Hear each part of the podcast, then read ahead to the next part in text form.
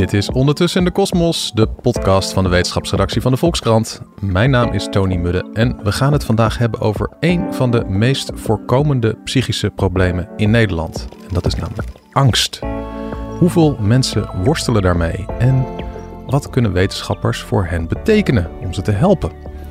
Achter de microfoons vandaag onze redacteur Psychologie en Brein Kaya Bauma en ook Djoeke Tazelaar, die zelf worstelt met angstklachten. Uh, Tjoeke, om met jou te beginnen, wat voor angsten hebben we het dan over? Nou, ik heb een uh, zogenoemde gegeneraliseerde angststoornis. En eigenlijk betekent dat dat ik uh, ja, heel veel verschillende soorten angsten heb. En uh, het wordt ook wel piekerstoornis genoemd. Dus ehm, ik denk dat ik gewoon overgevoelig ben voor heel veel soorten angst. Dat bij mij, dat er heel veel weerhaakjes zitten, zeg maar, waardoor angst snel aan mij kleeft. Dus ik heb wat dingetjes uh, opgeschreven van tevoren waarvan ik dacht, nou, waar, wat, wat heb ik allemaal voor angsten? Nou, onder andere hypochonder. Uh, ik ben snel als ik ergens een pijntje voel, denk ik, nou is het helemaal mis. Mm -hmm. ook wel erg bang altijd om dingen verkeerd te doen. Dus een, een ja, toch een soort faalangst. Um, echt ook vaak wel bezig met wat anderen van me vinden. Ja. En uh, dat veroorzaakt vaak ook veel stress. En, en die stress veroorzaakt dan weer angst, want dan krijg je allerlei lichamelijke verschijnselen. En die vind ik dan weer eng om te voelen. En uh, ja, ik denk dat toch een soort basisangst van mij is, uh, is kan ik het wel aan? Dat, dat is vaak de basis voor, voor mij voor heel veel angsten. Dus kan ik het leven wel aan? Kan ik werk wel aan? Kan ik uh, drukke dagen wel aan? Iedere keer is dat een, een terugkerend thema. Waar ik altijd erg bang voor ben. Dat het me niet gaat lukken. En dat ik erin verzuip of dat ik omval. En ja, dat zou ik wel een soort basisangst van mij willen noemen. Ja, en, en, en Kaya, uh, Juke is niet de enige in Nederland. Nee. hoeveel mensen kampen met angstklachten?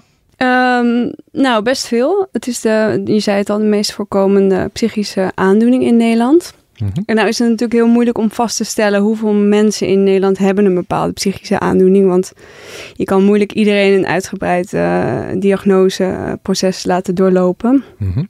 Maar um, het Trimbos die doet al sinds de jaren negentig onderzoek naar psychische gesteldheid van Nederlanders. Um, en dat doen ze door een grote groep Nederlanders ik geloof dat het er 6000 of zoiets zijn, um, uitgebreid interviewen. Dus er komt iemand bij ze thuis en die gaat dan anderhalf uur lang vragenlijsten met ze af. En dat doen ze sinds de jaren 90. En vorig jaar verscheen de nieuwste editie daarvan. En daaruit bleek dat één op de zeven volwassen Nederlanders uh, uh, uh, voldoet aan de criteria van een angststoornis. Oké. Okay. Dus dat, dat, zijn, dat is best veel. Dat is veel, ja. ja. En dat zijn dat eh, kun je dan omrekenen naar de totale bevolking. En dan zijn het 1,9 miljoen mensen. En ter vergelijking, um, ruim 1 miljoen Nederlanders voldoet aan de criteria van een depressie. Oh ja. Dus, ja. ja. Terwijl over angst hoor je wat minder vaak dan over depressie. Ja, zeker. Ja. Dat was ook mijn gevoel toen ik deze cijfers zag. En ook de aanleiding om daar eens een keer in te duiken van wat, wat is dat dan precies waar blijkbaar zoveel mensen last van hebben. En bij angst, ja, uh, om het maar even gechargeerd te zeggen, ik, ik, mijn kinderen probeer ik heel bang te maken voor auto's en vrachtwagens en, en dat soort dingen. Angst is ook soms goed, toch? Ja, zeker, ja. Ja, dat is ook goed. En uh, het is een normale emotie die iedereen heeft en uh, het is een signaalfunctie, dus ja, als je bovenop een wolkenkrabber zou klimmen en er, er is geen hek, hè, dat je dan bang bent om aan het randje te staan, dat is heel gezond, want ja, dat beschermt jou ja. van vallen. Ja. Maar als je geen enkele trap meer op durft, uit angst om te vallen, dan, dan wordt het ongezond. Het is, het, want dat vroeg me, wanneer, wanneer is angst nog normaal en wanneer wordt het ongezond? Um, ja, daar zijn afspraken over gemaakt binnen de DSM, het handboek van uh, psychiaters. Mm -hmm. Um, die heb ik er even bij gepakt. Als je excessieve angst hebt en bezorgdheid die minstens zes maanden lang vaker wel dan niet aanwezig is. Ja. En betrekking heeft op dagelijkse gebeurtenissen of activiteiten. Dus dat is ook belangrijk. Hè? Dat je, je kunt heel bang zijn voor een obscure spinnensoort. Denk mhm. maar even wat, die je verder nooit tegenkomt in het dagelijks leven. Ja. Maar dit is echt iets wat je... Ja, dus als, ik ben zelf, als ik zou moeten zeggen waar ben ik bang voor, dan ben ik bang voor haaien. Maar ja, ja. Het is, ja in het zwembad hoef ik daar niet bang voor te zijn. Nee, dit heeft niet invloed op jouw dagelijkse leven. Ja, oké. En, en, en Joeke, wanneer had jij het gevoel van ja, mijn angst dat is niet normaal meer? Um, ik, denk, ja, ik denk dat ik begin twintig was. Dat ik echt uh, voor het eerst geconfronteerd werd met uh, enorme ja, hypochonderklachten, uh, zeg maar.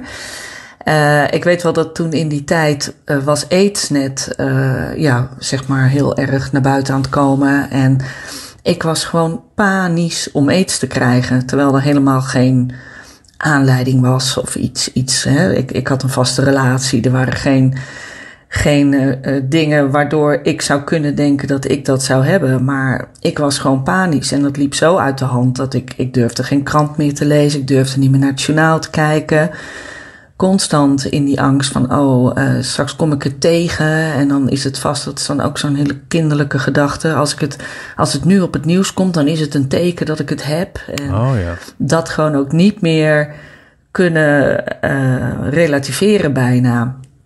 Dus toen had ik wel voor het eerst zoiets van. Uh, dit is niet oké. Okay, want ik weet wel dat ik van kinds af aan heb ik wel veel angsten gehad. Maar tegelijkertijd was ik ook wel iemand die zichzelf behoorlijk overschreeuwde. Dus ik denk dat dat ook een beetje samenging, zeg maar. Dat door mezelf te overschreeuwen en stoerder te zijn dan ik me voelde, mhm.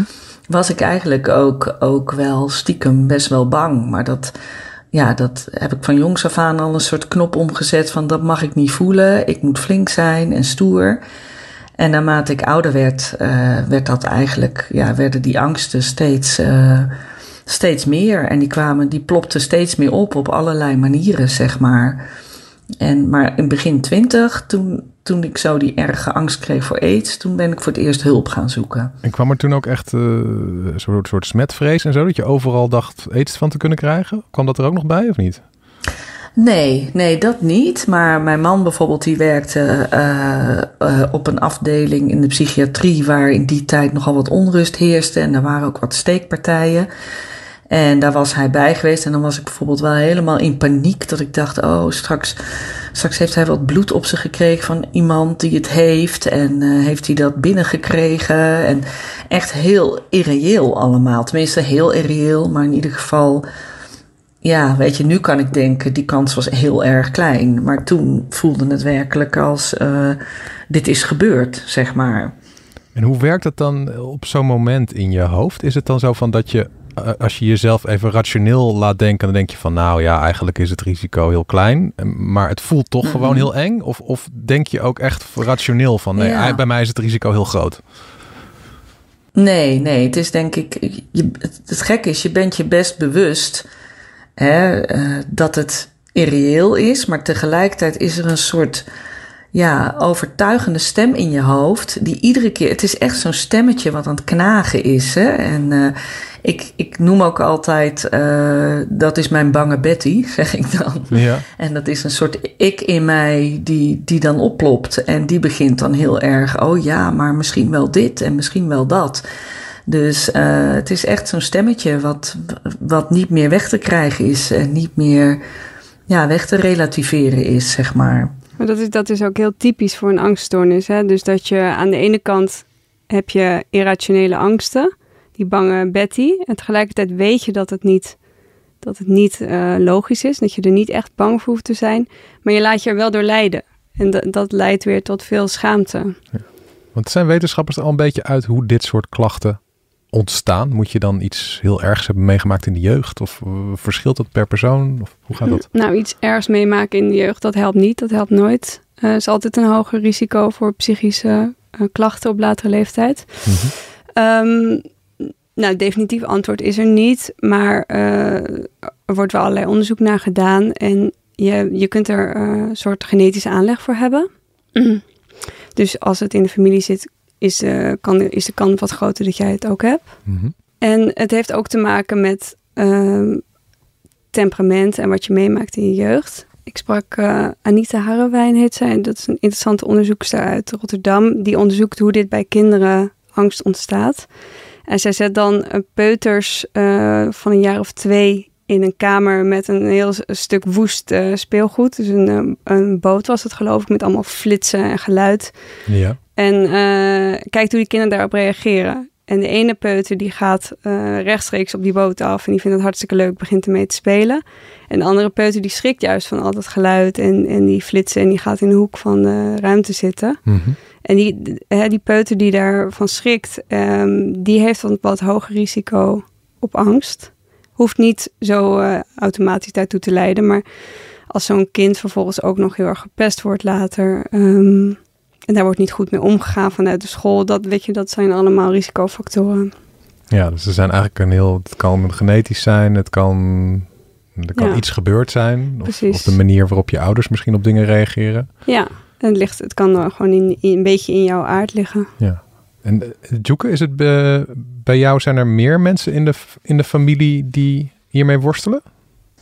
Ja, ja, dat klopt inderdaad. Ik, ik kom wel uit een nest, zeg maar, waar en mijn vader en mijn moeder allebei wel, denk ik, eh, wat angstige personen zijn. Ook sneller getriggerd werden door angst. En ehm, dus ik denk dat dat zeker eh, invloed heeft. Ik denk wel dat ik, dat ik een soort eh, gen bij me draag, zeg maar, waardoor, het, eh, waardoor ik er gevoeliger voor ben. En je vertelde dat je op je twintigste voor het eerst naar een, een, een behandelaar bent gegaan. Wat, wat doet zo'n behandelaar dan? Ja, in dit geval ben ik toen in een groep terechtgekomen, een, een vrouwengroep. bij de, ja, dat heette toen nog het RIAG. En eh, ja, daar gingen we vooral eh, in gesprek met, eh, onder begeleiding van therapeuten, zeg maar. Ja, om, om ook, denk ik, meer te leren, te delen hè, in je omgeving wat er met je gebeurt. En om wat meer daarin ja, steun te krijgen bij elkaar. Dus, dus dat was eigenlijk mijn eerste therapie, dat ik in groepstherapie ging. En hoe beviel dat? Een soort de lotgenotencontact dus. Ja, ja, lotgenootcontact, maar ik denk ook wel, eh, ik kan het me niet meer zo heel goed herinneren, maar ehm, ja, eh, ik vond het aan de ene kant wel prettig, omdat het ook, eh, je voelt dan wel, ik ben niet de enige die worstelt, dus dat is wel fijn. En het was ook niet zo heel specifiek dat iedereen daar in die groep met een angststoornis kwam. Het, het was dan toch een soort wat ja, mensen, het waren allemaal vrouwen van mijn leeftijd die problematieken hadden en vastliepen. En iedereen had ook last van angsten daarin. Dus um, ik denk dat het, het delen daarvan wel heel prettig was. En dat er ook wel gespiegeld werd wat er dan gebeurt en hoe je dat anders kon doen. Dus ik vond het op zich wel prettig. Maar tegelijkertijd, ja, je hoort natuurlijk ook wel veel verhalen van anderen die ook wel weer uh, lastig kunnen zijn. Of uh, ook wel weer iets oproepen, zeg maar. Oh, dat je andermans dus angsten overneemt. Dubbel. Nou, niet zozeer angsten, maar wel. Uh, ik weet nog wel dat ik bijvoorbeeld in die tijd. Uh, er was iemand in die groep en die, die sprak heel veel over dat ze verdrietig was. En dat woord verdrietig vond ik echt niet om te doen. Ik, ik had zelf echt daar zo'n soort allergie voor, omdat ik helemaal nog niet bij mijn verdriet kon komen. Ik wilde vooral nog heel erg flink zijn en ik wilde helemaal geen verdriet hebben. En ik denk dat dat ook een van de redenen was waarom ik zo angstig werd, omdat ik dat allemaal probeerde weg te drukken. En als er dan iemand in je groep zit die dat steeds spiegelt, uh, vond ik dat heel ingewikkeld. Ja, ja. En, en Kaya, wat, ja, als je dit allemaal hebt, ja. wat is er beschikbaar? Eigenlijk de standaard aanpak, die ook het best bewezen is, is cognitieve gedragstherapie. Dus dat is dat je aan de slag gaat met je uh, gedachten rondom angst. Met het idee dat dat ook je, je gevoelens en gedrag over die angst verandert. Is het dan bijvoorbeeld dat als je naar een feestje gaat, tenminste je twijfelt of je naar een feestje gaat, of je bent een beetje bang om naar een feestje te gaan, je denkt van ja, ik ken daar niemand en iedereen zal me vast stom vinden of zo. En dat je dan, -hmm. en dat je dan bij jezelf gaat bevragen zo van ja, waarom zou, zou ik daar niemand kennen ja. en waarom zouden mensen Precies. mij dan stom vinden? Is dat eigenlijk wel een terechte gedachte hierbij? Dat, dat is het Precies. een beetje toch? Ja, Precies. Okay. Ja, en dan kun je er ook krachtige gedachten tegenover zetten. Hè? Zo van. Uh, uh, ik, ik ben helemaal niet dom. Ik ben best een leuk iemand om mee te praten. Dus uh, misschien kan je die gedachten ervoor in de plaats zetten. Waardoor je met meer vertrouwen naar zo'n feestje kan gaan. Ja, precies. Ja, dus Dat, is, dat is eigenlijk de standaard aanpak. Maar wat, wat ook een uh, probleem is eigenlijk bij elke vorm van behandeling, dat uh, angst vaak weer terugkomt. Ik geloof dat uh, meer dan de helft van de mensen die een keer een angststoornis hebben in hun leven en daarvoor behandeld zijn, dat die vier jaar later weer een psychische aandoening hebben. En meestal is dat dan angst of een depressie. Het gaat, het gaat ook vaak over in depressie. Dus ik sprak met een, psychiater, Neeltje Battelaan, die, die uh, behandelt specifiek mensen met uh, angststoornis. En die pleit er ook heel erg voor om een soort van controleafspraak uh, te doen. Dus eens in de zoveel tijd weer even een check. Hoe gaat het nu met je? Mm um, dat speelt er bij jou ook, uh, Juke, volgens mij, dat je best wel vaak ja. weer teruggevallen bent. Klopt, ja, zeker. Het is, het is niet, ik zie het niet iets als ik heb dat ooit één keer gehad en toen heb ik therapie gehad en toen was het over. Ik, ik zie echt, het is een onderdeel van mij en ik, ik ga er ook vanuit dat het niet echt over zal gaan. Ik heb het alleen wel steeds wat beter, ja, er wat beter mee leren omgaan. En ik denk zelf ook dat ik het wat beter kan accepteren. Dus ik, ik, ik denk dat de schaamte erop wat minder is, want die ligt ook wel heel erg op de loer. En is ook, uh, de schaamte is ook vaak waardoor je zo gevangen raakt erin en eenzaam en denkt van nou, wat zullen mensen er wel niet van denken? En dat maakt het, dat maakt het eigenlijk de angst nog veel erger. En dat heb ik wel minder. Dus de acceptatie is meer. En uh, ja, dat is wel vooral helpend, vind ik. Zijn er nog hele andere dingen? Want je had het dus over uh, groepstherapie, cognitieve gedragstherapie. Zijn er nog hele andere dingen? Ik hoor ook wel eens over exposure therapie. Dat je dat dan in een soort veilige omgeving je angsten ja, te lijf moet. Heb je dat ook al eens geprobeerd? Nee, dat heb ik niet gedaan. Ik ken het, ik ken het wel, maar dat, ja, dat wordt ook wel vaak gedaan met uh, hele concrete angsten. Hè? Bijvoorbeeld als je die spinnenfobie hebt, dat je een spin te zien krijgt of uh, zoiets. Hè? En, of zelfs uiteindelijk een spin vast moet houden. Mm -hmm. Maar dat is bij de angsten die ik heb iets lastiger, denk ik. Dus ik heb die vorm ook nooit zo aangeboden gekregen. Uh, ik heb zelf ja, eigenlijk het meeste baat bij medicatie. En dat is dan toch antidepressiva, waarbij uh, deze antidepressiva zeg maar vooral gericht is op angstdemping. En dat helpt bij mij eigenlijk het best op het moment dat ik daarmee stop, want ik ben ook twee keer eerder ermee gestopt. Ja, en als er dan een trigger is, want er moet altijd wel een trigger zijn, ja, dan gaat het toch uh, weer mis, zeg maar. Dan moet ik weer opnieuw beginnen met antidepressiva. Dus uh, dat is altijd een hele tour. Maar dat, dat vind ik een, ja, toch wel een helpende. Uh, ik bedoel, het is niet heilig, hè, want het, het, heeft ook best nadelen. Maar het is, het is in ieder geval voor mij helpend. En ik heb ook wel een aantal alternatieve therapieën gedaan. Dus ik, ik heb bijvoorbeeld met dingen met ademhaling gedaan. Omdat ja, bij angst gebeurt er van alles in je lijf. Hè? Mm -hmm. Dus uh, je krijgt, uh, je ademhaling gaat veel te hoog zitten. Dus ik ging eigenlijk chronisch hyperventileren, waardoor mijn lijf ook steeds in een soort stressstand stond. En dus ik heb geleerd anders te ademen. Uh, ik heb ook massagetherapie bijvoorbeeld gedaan, dus meer door aanraking, meer je lichaam ingaan. En dat heeft mij ook wel geholpen om iets vertrouwder te worden met mijn lichaam, daar wat minder bang voor te zijn. Uh, schematherapie heb ik ook nog gevolgd. Ja. En, ja, zeg je dat wat? Nee, wat is dat? Ja, eigenlijk gaat het heel erg over dat je in je leven een aantal ja, schema's hebt ont, ontwikkeld, zeg maar. hoe je omgaat als je onder spanning komt te staan of als het niet goed met je gaat. Bij mij is dat bijvoorbeeld afhankelijkheid. En, uh, en ik ga mezelf heel erg veroordelen. En dan ga je eigenlijk in therapie onderzoeken van nou, waar komt dat vandaan? Hoe is dat ontstaan? En dan ga je eigenlijk ook weer onderzoeken van ja, kloppen die, die gedachtes? En, en uh, zou het ook op een andere manier, zou je het ook op een andere manier kunnen aanvliegen, zeg maar. Dus dat heeft mij ook wel geholpen. Een soort patronen zijn het toch? Ook die waar je in vervalt. Precies. Ja. Precies. Ja.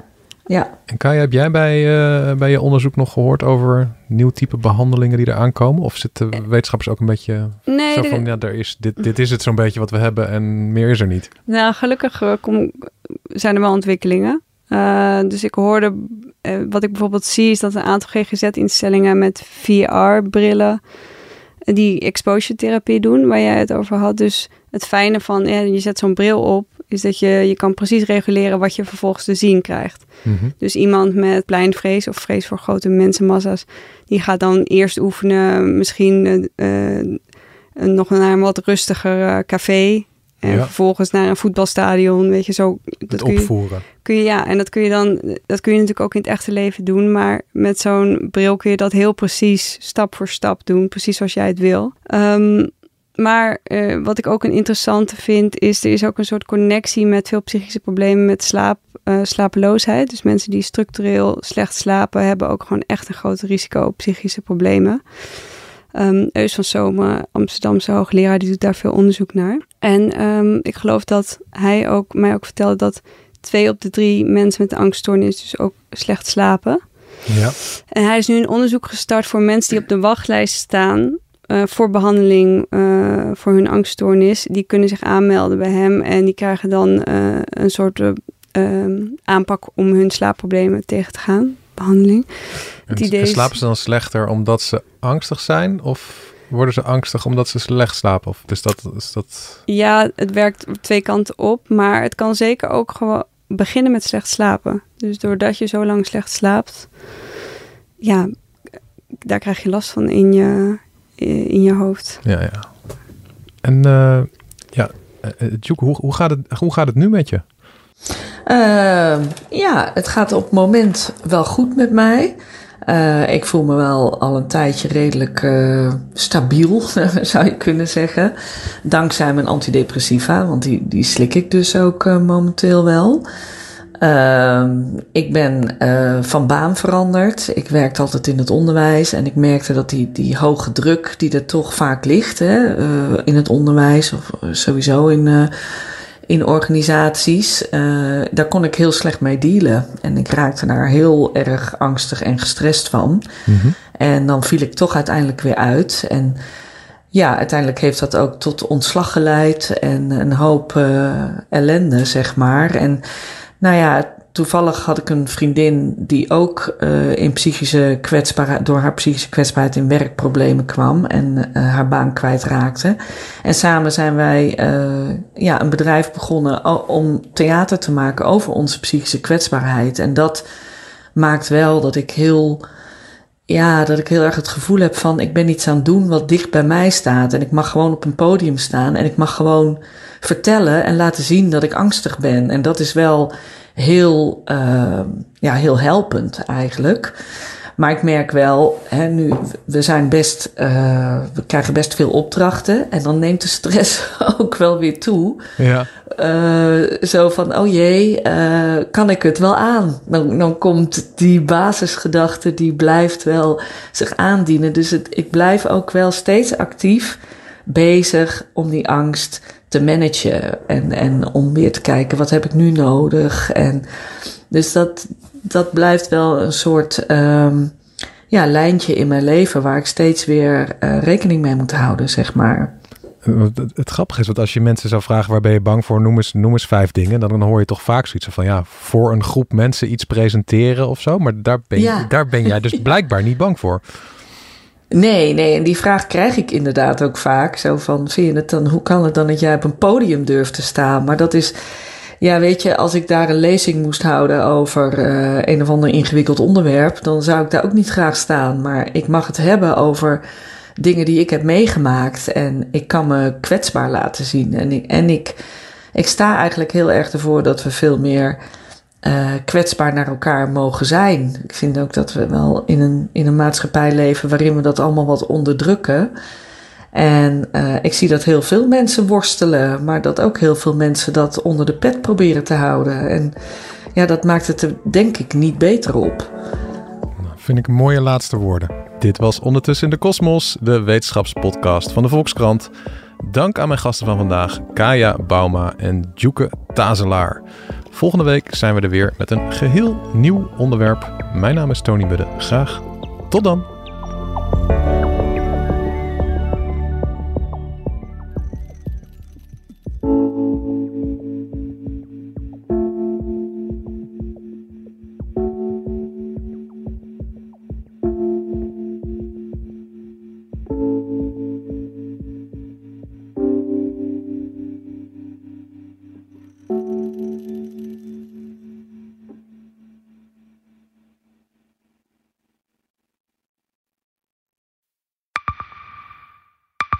Zijn leven is overhoop gegooid.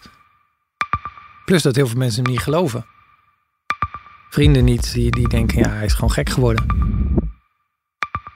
Hoe naar moet dat zijn? Als je vertelt over de meest indringende ervaring uit jouw leven en niemand gelooft dat je het echt hebt meegemaakt. Ja, ik vind zelf niet dat ik het verzonnen heb, maar sommige mensen denken dat wel. Maar hoe kom je erachter of jij je doelwit bent van een geheime dienst?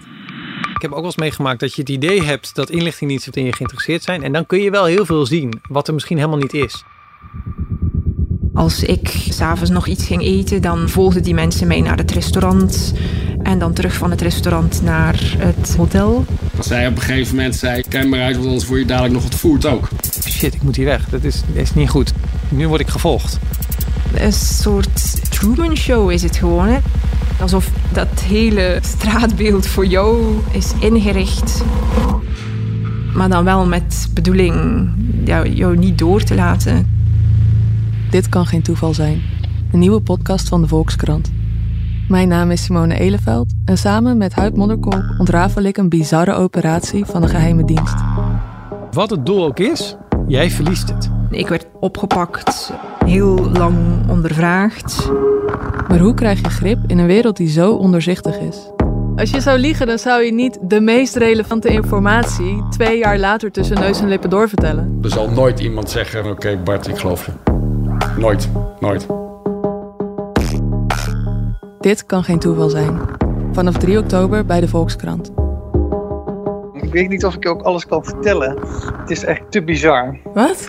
Ehm, ja,